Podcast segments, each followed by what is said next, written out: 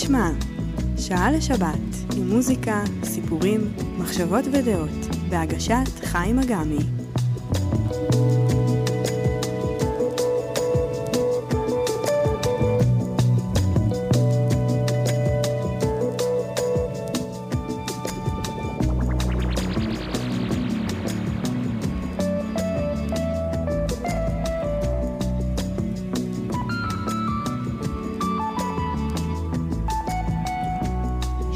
לכם, מאזינות ומאזינים.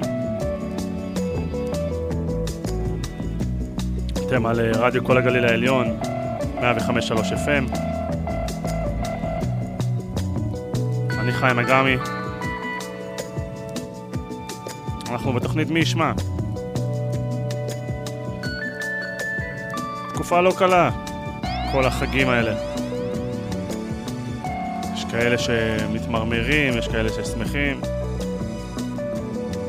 האמת לי זה עושה טוב. ככה פתאום הפוגה ככה מכל ההתרוצצויות היומיומיות.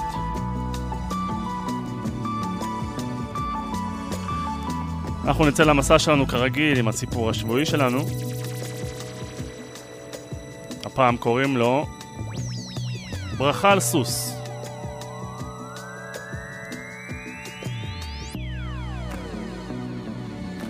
סיפרו על רבי מרדכי מן הסחיז, שהיה עני גדול, אבל על דבר אחד לא ויתר לעולם.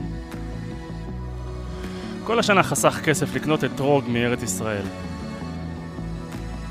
והנה, הגיע ראש השנה, הוא נסע ליריד, היו לו שלושים רובל. הוא הגיע ליריד בשביל לקנות אתרוג, ובפתח היריד עמד יהודי זקן ובכה. שאל אותו רבי מרדכי מן הסחיז, מה קרה? אמר לו אותו יהודי זקן, אני עגלון, יש לי אישה ושישה ילדים, ובדיוק היום הסוס שלי מת, ואין לי מי שיפרנס את המשפחה יותר. שאל אותו רבי מרדכי, כמה עולה סוס חדש? ענה לו, שלושים רובל. הוא הוציא את הארנק, נתן לו את שלושים הרובל ואמר לו, השנה כל בית ישראל יברכו על אתרוג, ואני אברך על סוס.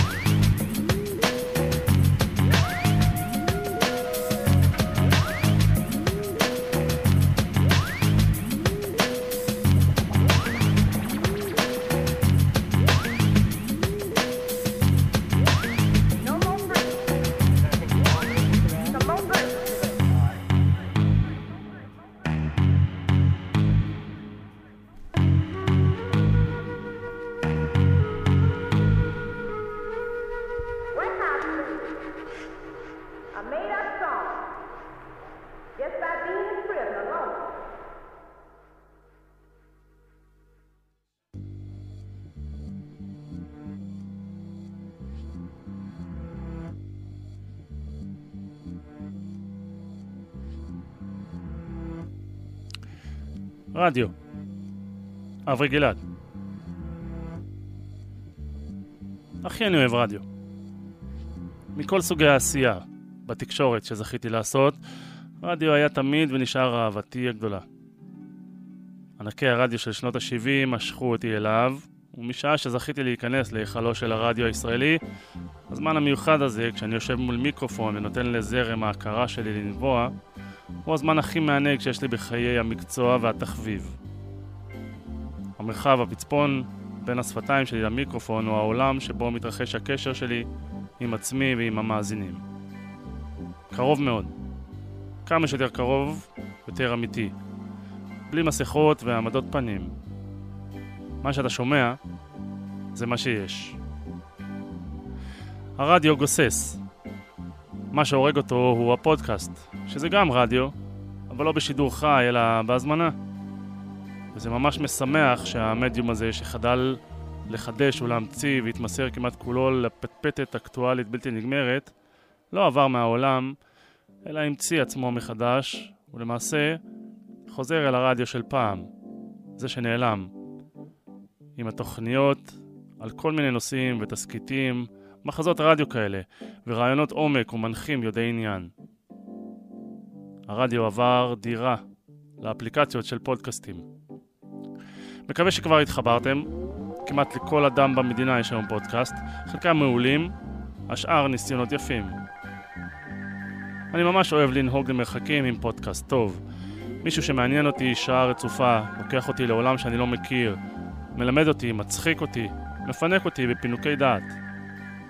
מתאים לי. מתאים גם למשפחה הנוסעת איתי לעיתים ברכב. מקשיבים לפודקאסט ולומדים יחד.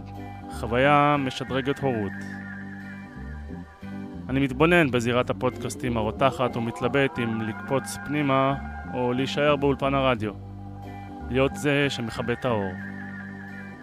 יש פודקאסט מעולה על קבלת החלטות. האזין והחליט. את הקטע הזה כתב אברי גלעד.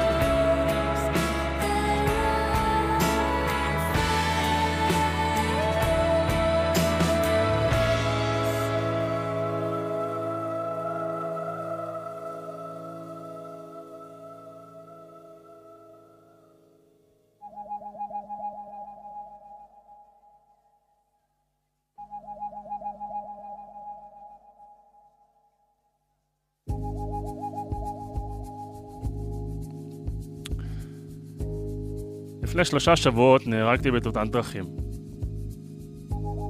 למי שזה עוד לא קרה לו, בואו אני אגיד לכם איך זה מרגיש. כלום. חסר כאב. אפס מחשבות. אתה לא יודע שאתה מת. לא סבלתי ברגעיי האחרונים, אובדן הכרה וזהו. שם זה נגמר. הודיעו בחדשות על התאונה, חבר לעבודה האט לקראת הרכב המעוך, וזיהו שזה הרכב שלי. הוא ועוד אזרחים רבים יצאו בניסיון לעזור. הודעות, טלפונים, מי לא היה שם? מד"א, זק"א, משטרה, שירותי הצלה וכבאות. אנשים לא האמינו, עוד לא עיכלו. רגע אחד, יש לך שיחה שאתה צריך לעשות, עוד חצי שעה כשתגיע הביתה ומטלות מחר בבוקר. יש לך עוד להתעצבן על הילדים שייכנסו כבר למיטה. רגע אחד, אתה בשגרה של יום חול סתמי, ורגע אחד אחרי, אתה כבר לא אדם חי. הלוויה יצאה עוד באותו ערב. הבכי עדיין לא מלוטש בשלב הזה. זה בכי של הלם, צעקות וזעקות. אחר כך, בשלב מאוחר יותר, מגיע שלב ההבנה והעיכול הנורא מכל. במדינה שלנו מדובר על אובדן במלחמות ישראל וצה"ל, ובצדק. אולי יום אחד יהיה פה יום זיכרון לחללי תאונות דרכים, שכולם יזדעזעו לפחות יום אחד בשנה, ושלכל מי שאיבד מישהו בתאונת דרכים תהיה צל של נחמה, ביום אחד לפחות. כי בסוף, מוות זה מוות, ושכול זה שכול, ובכבישים יש מלחמת הישרדות בכל רגע נתון. עוד שבוע אשתי תעלה אל הקבר שלי, עם שלושת הילדים שלי, לציון החודש, להסתכל השמיימה, בעצב תהומי. גם הבחור בן ה-32 שהרג אותי, יישא אותי על החזה שלו לשארית חייו. כמה שהוא מירר בבכי לראות אותי מוטל ברכב המעוך חסר תנועה. מה עולל ברגע אחד של חוסר תשומת לב? מה עולה למשפחה בישראל בגלל שהוריד את הראש לרגע אחד מבלי לשים לב שעצרתי ברמזור אדום, וכשהוא הרים את הראש והוא נוסע על 95 קמ"ש, עשרה מטרים ממני, לא נותר לו אלא לנסות לבלום ולשבור את ההגה שמאלה בניסיון להתחמק, אבל זה כבר היה מאוחר מדי. כיסא תינוק שנמעך לחלוטין במושב האחורי, ברמה כזו שזק"א צעקו ישב שם מישהו? יש שם ילד? כי לא ניתן בכלל לראות מה יש שם בפנים בתוך גוש המתכת הזה, בחלק האחורי של הרכב. אז לא ישב שם אף אחד בזמן התאונה. הילדים שלי ישבו בדיוק בכיסא הזה עשרות ואולי מאות פעמים, אבל בנסיעה הזו, לא. כל מה שאני כותב פה קרה לפני שנה ושלושה שבועות, אחד לאחד חוץ מדבר אחד. משום מה, לא נהרגתי. שרדתי כדי להטיף לכם מוסר. יצאתי מתוך רכב מעוך באורח נס, בלי שברים, עם חבלות בכל הצד השמאלי של הגוף, כולל אובדן ראייה זמני בעין שמאל, זעזוע מוח, קרעים בגידים, ברגליים, מיגרנות, אובדן הכרה ברגע הפגיעה, והתעוררות בתוך רכב קרוע לחתיכות כמה דקות אחרי. בחוסר ידיעה מוחלט מה בדיוק קרה, איך קרה. חזרתי הביתה אחרי התאונה. אחרי בדיקות שחררו אותי הביתה באותו ערב. עדיין לא חזרתי לעבודה. לאט לאט חוזר לעצמי. מחלים. ימים של אחרי תאונה כזאת, זו התמודדות עם פוסט-טראומה על כל המשתמע. אבל מאז התאונה קיבלתי מתנה נדירה. כל חיבוק שאני מחבק את הילדים היפים שלי בצבע, באושר מוחלט, בהודיה על עוד רגע אחד מאושר. אשתי הצדקת החסודה והיפה שאותה אני אוהב עדיין לא אלמנה. עדיין ישן לצידה ומחבק אותה צמוד צמוד. כל טינה הכי קטנה שהייתה לי בעבר כלפי מישהו או משהו נמחל. הכל נסלח, שחררתי הכל. אם שמעתם עד כאן, דבר אחד אני מבקש שתיקחו איתכם מהפוסט הזה. אל תתעסקו עם כלום בזמן שאתם נוהגים. כלום. פשוט תנהגו ותברכו הגומל, תודה לשמש, אגודה למעלה, לא משנה איך. כל פעם שאתם חוזרים הביתה בשלום, כי זה לא מובן מאליו. שום דבר לא מובן מאליו. סעו בזהירות.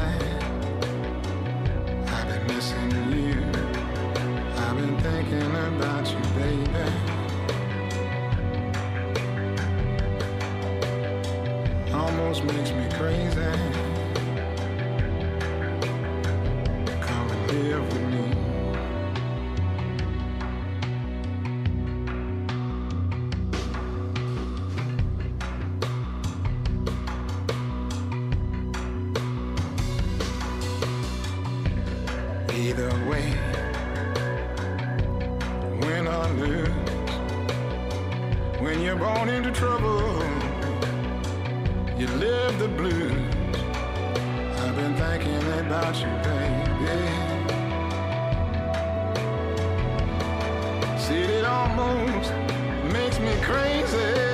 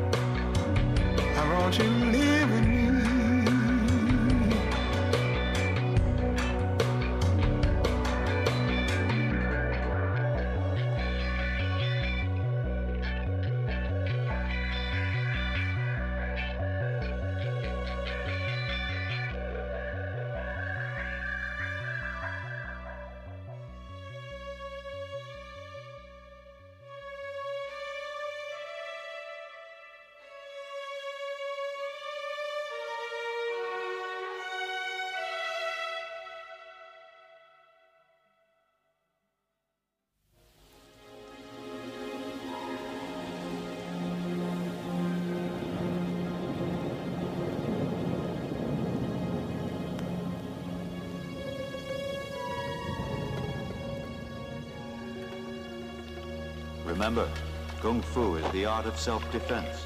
I'm not interested in killing. I just want to prove how bad your kicks are.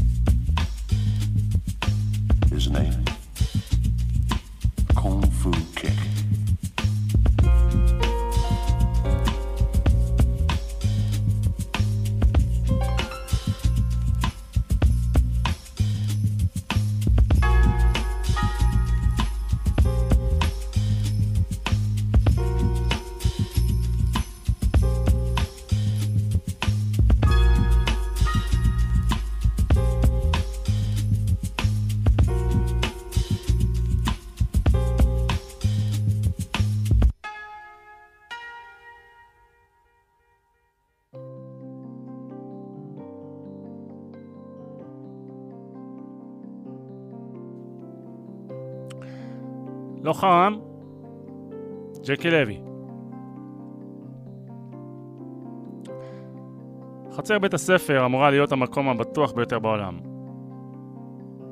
המון זיכרונות שהולכים איתנו מורכבים משאריות של מה שחווינו כתלמידים. ריחות של גיר, קליפות עדרים וכריכים מתאפשים. משחקי מסדרון ושירים מטופשים. אבל מאחורי הקלעים של האידיליה הזאת, שאהובה כל כך על תסריטאים וסטנדאפיסטים, קיים הצד האפל של הילדות. מי שחווה אותו על בשרו לא ישכח. חצר בית הספר היא לא תמיד גן העדן של ילדות. ילדים מסוגלים כידוע לנשוך, להכות או למשוך בשיער, אבל נשק יום הדין של עולם הילדים הוא החרם החברתי. רעל שקט וקטלני, שרובנו לא יודעים עדיין איך להתמודד איתו. במקרים רבים, רבים מדי, גם בית הספר מצליח לפספס. המחנכת מניחה שמגיל מסוים כבר אין טעם להתערב יותר מדי בחיי החברה של התלמידים. אדרבה, חלק מהלמידה החברתית תלוי במשחק חופשי שמתנהל במסדרונות. אז נכון שהמשחק הזה לא תמיד חינני, ולפעמים מול הלוקרים מתרחשות תצוגות של נבזיות וביצ'יות שמזכירות סצנות נחותות מסדרות טלוויזיה אמריקאיות. אבל זה הכל. ואפילו די נכון.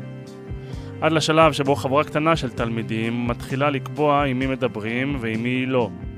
את מי רואים ומי שקוף. מי יוזמן ומי יישאר בחוץ. מי בקיצו ומי לא בקיצו. ברגע שעניין החרמות מתחיל להיות מתוזמר ומוכתב על ידי המקובלים, אין כבר שום דינמיקה ספונטנית או משחק חברתי בריא. בשלב הזה מישהו מבוגר חייב להתערב, לקטוע, להציל חיים. כי ילד שסובל מחרם או בידוד חברתי הוא ילד חבול ופגוע מאוד מאוד. אבל לא פעם אנחנו עסוקים מדי, לא תמיד מודעים. מניחים שזה עדיין בגבולות הלגיטימיים של כן חברים, לא חברים. לפעמים כל מה שצריך זה מודעות. דרור היה צעיר מבטיח, מוכשר ואהוב. דרור היה ילד פגוע, קורבן חרם. לכו תדעו למה ילדים מחליטים להתעמר. דווקא כשהיה נדמה שהחיים שלו עולים על מסלול מיטיב, והוא חזר לתכנן ולחלום, משהו עורר בו את הפגיעה ההיא, והפעם הוא לא עמד בכאב. הוריו האבלים הקימו את כנפי דרור, כדי לעורר מודעות ולהילחם נגד חרמות. ואני מצטרף באהבה. אם הגעתם עד כאן, אתם כבר קצת יותר מודעים. והנה עשינו משהו קטן וטוב. חפשו אותם בגוגל, תמכו בהם. ועכשיו, איך מעוררים מודעות לחרם, כאשר חלק גדול מההנהגה שלנו עסוקה בחרמות? איך אפשר באמת להוקיע את מעשה החרם ולהוציא אותו אל מחוץ למשחק הלגיטימי? כאשר כל כך הרבה מלל בתקשורת נשפך על הצהרות רברבניות בנוסח בחיים לא אמרתי לו שלום, לא אלחץ לו יד. ועוד ניסוחים שבעולם מתוקן היו אמורים להיאמר במלמול מתנצל, מתנצל, אבל לא אצלנו. זיכרון ילדות, רחוק, מלווה אותי כבר שנים. זיכרון שמבהיר כמה מעט צריך כדי לבודד ילד. סיפור מגוחך מכדי לספר אותו, וצורב מכדי שאפשר יהיה להשליך הצידה. היינו בכיתה ב', בשיעור תורה למדנו את בראשית. בתחילת שנות ה-70 כמעט לכל הכיתה היו שמות תנכיים, אבל רחל הייתה רק אחת בכיתה, ויעקב הייתי אני. יום אחד דפדפתי קדימה בספר, מתוך שעמום. ומה שראיתי שם מקפיא את דמי. ידעתי מה עומד לקרות. יש לי שבועיים או שלושה. בסוף נגיע לדף ההוא והמורה כרמלה תקרא בקולה הנאה את הפסוקים ההם. יעקב ינשק לרחל, יעקב אוהב אותה, השמיים יפלו עליי. הקורא התמים עלול לחשוב שמדובר ביופי של פסוקים, אבל אני הכרתי את הכיתה ואת הנפשות הפועלות. היה ברור שזה לא ייגמר בכמה צחוקים. בהתחלה הם ישירו יעקב ורחל לנצח, שתי נשיקות במצח. באמת לא נורא. אבל בשלב הבא, בהפסקה נניח, מומי ידחף אותי עליה. או חיים, או דני, או כולם ביחד. מתישהו שנינו ניפול ארצה. ילדים מכוערים יעמדו סביבנו במעגל ויעשו לנו חתונה. יזרקו עלינו חול בתור קונפטי, שקיות מים בתור פרחים. צעקות קצובות וסיוט מתמשך. זה יתחיל בצחוק, אבל אף אחד לא יוכל לעצור את זה. אף מחנך לא ישים לב, איש לא יסביר להורים למה אני חוזר הביתה מלוכלך כל כך. הכי נורא, עמוק בלב פיתחתי כעס כלפי אותה רחל. מסכנה. היא באמת לא עשתה כלום. תסריט האימה התממש במלואו. זה באמת אידיוטי מכדי שאוכל לתאר את ההשתלשלות, אבל כשאני כותב את הדברים, הלשון זוכרת את טעמו של החול. בהתחלה שרו, אחר כך דחפו, ולבסוף שני ילדים בני שבע מצאו את עצמם בלב מעגל שזורק עליהם חול. קשה גם לזכור מה שם קץ לימים שבהם השתדלתי ככל יכולתי להיות חולה. להשתעל, להתקפל, רק לא להגיע לבית הספר. אינני טיפוס טראומטי, אבל שנים רבות חלפו עד שיכולתי לקרוא בחיוך את הפסוקים הנחמדים האלה סביב הבאר. יעקב ורחל, קדים וגמלים. זאת רק דוגמה אחת לדינמיקה האומללה. ילד יכול להפוך לשק חבטות בגלל משקפיים או מכשיר שמיעה, בגלל רגישות יתר, בגלל השם שלו או כל שטות אחרת בעולם. אבל מרגע שהפך למטרה, זאת רק שאלה של זמן עד שפתאום לא יזמינו אותו לשום דבר, לא יספרו אותו, לא יספרו אותו ולא ישמחו בו. איש אחד בוגר ומודע, אישה אחת בוגרת ומודעת, זה כל מה שצריך. את הקטע הזה כתב ג'קי לוי.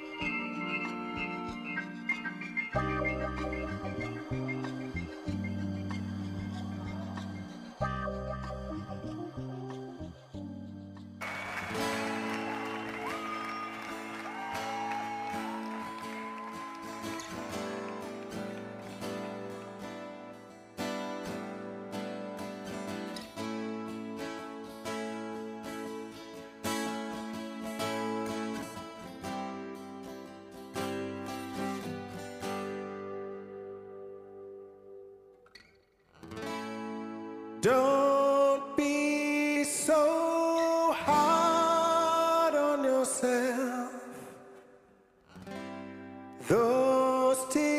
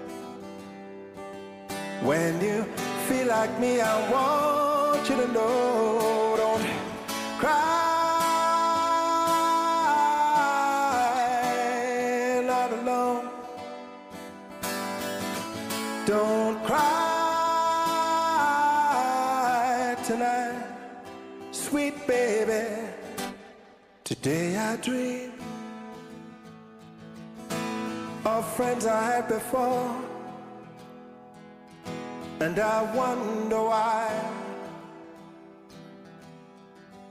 The ones who cannot call anymore, my feelings hurt. But you know we overcome the pain. And we're stronger now. There can't be a fire unless there's a flame. Don't you cry.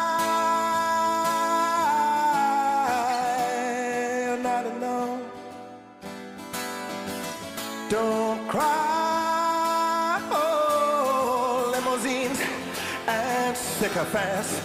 Don't punish me. Cause I'm afraid what you've done to me is now the one in my head. In my head. In my head. In my head.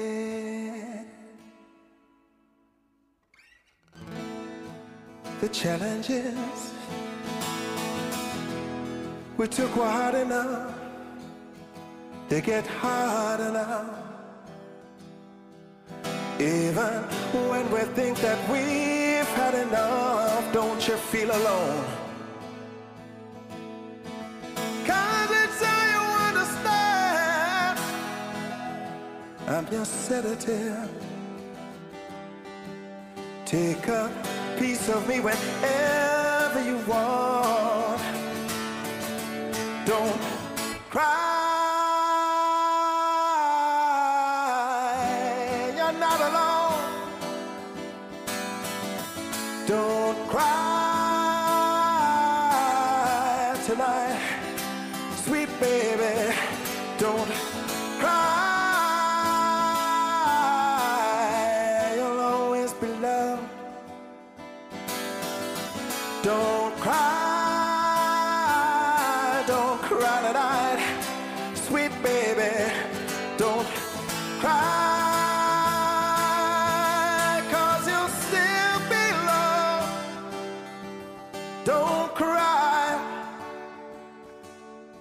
brighter light.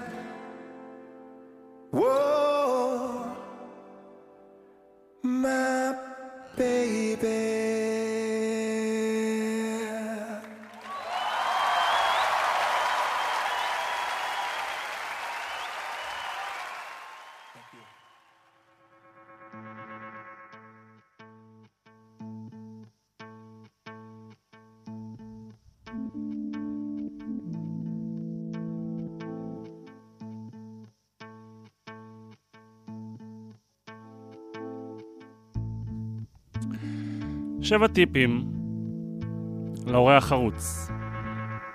איה קורם.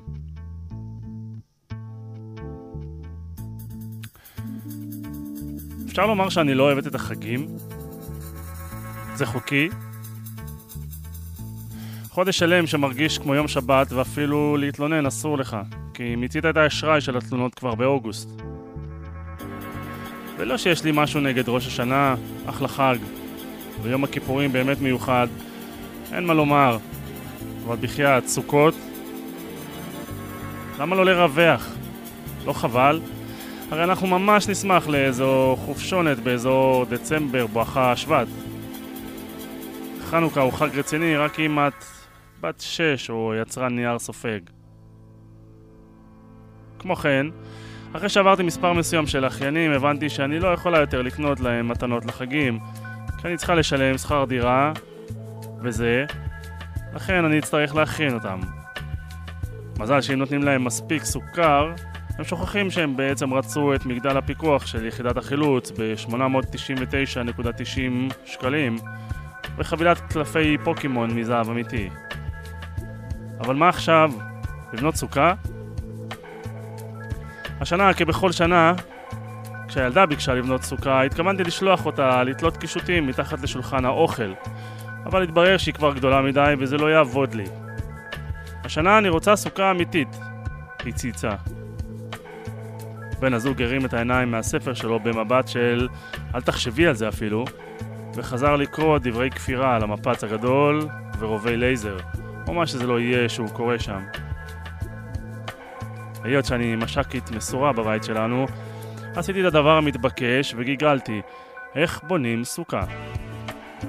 זו הייתה טעות. כי במקום לבנות סוכה, בזבזתי את כל הערב בצלילה לתוך מחילת הארנבת שהיא הלכות סוכה. וכעת אתם מוזמנים לקרוא לי רבנית. לא באמת, ולפנות אליי בכל שאלה שיש לכם בנושא סוכה כשרה. לא הייתי עושה את זה במקומכם. מוזמנים להדפיס ולתלות בסוכה אם אתם רוצים לריב עם האורחים הדתיים. נתחיל בכמה כללים בסיסיים. תתחילו מוקדם. המהדרין יתחילו מיד בצאת יום כיפור, אבל למי שיש פער גדול של צדיקות להשלים, כמוני, אני ממליצה להתחיל לחשוב חזק על הסוכה, כבר באלול. חייבים לאכול בסוכה.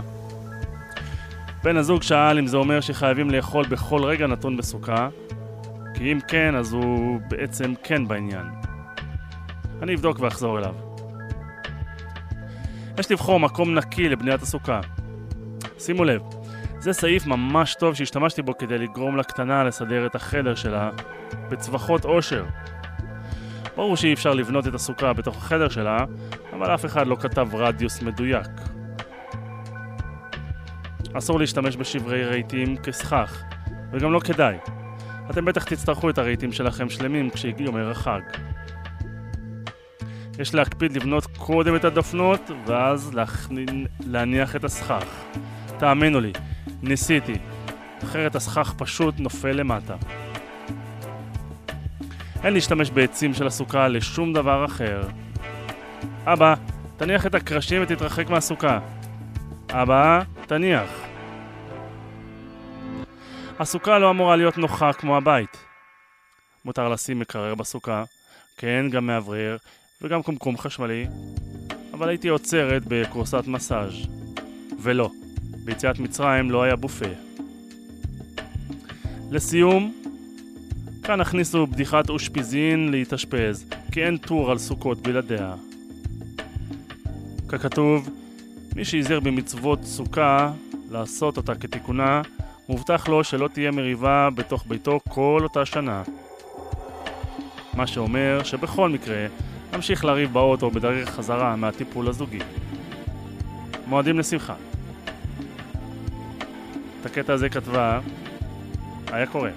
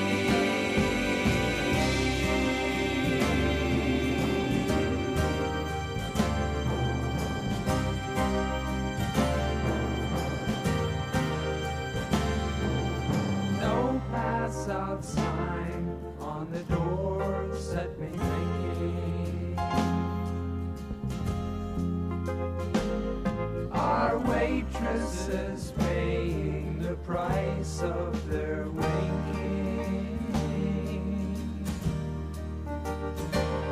While stars sit at bars and decide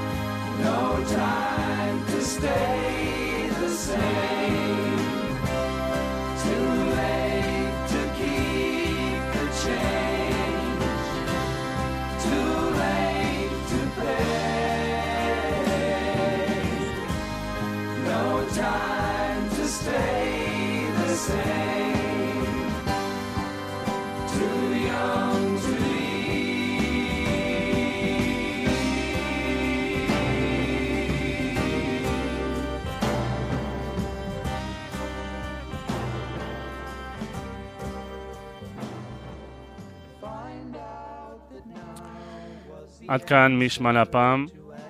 אני מקווה שנהנתם. אתם הייתם על אה, רדיו כל הגליל העליון, 105.3 FM. אני חיים אגרמי. מאחל לכם אה, חג שמח. אנחנו נשתמע. יום שישי הבא בין 3 ל-4. אנחנו ניפגש. להתראות.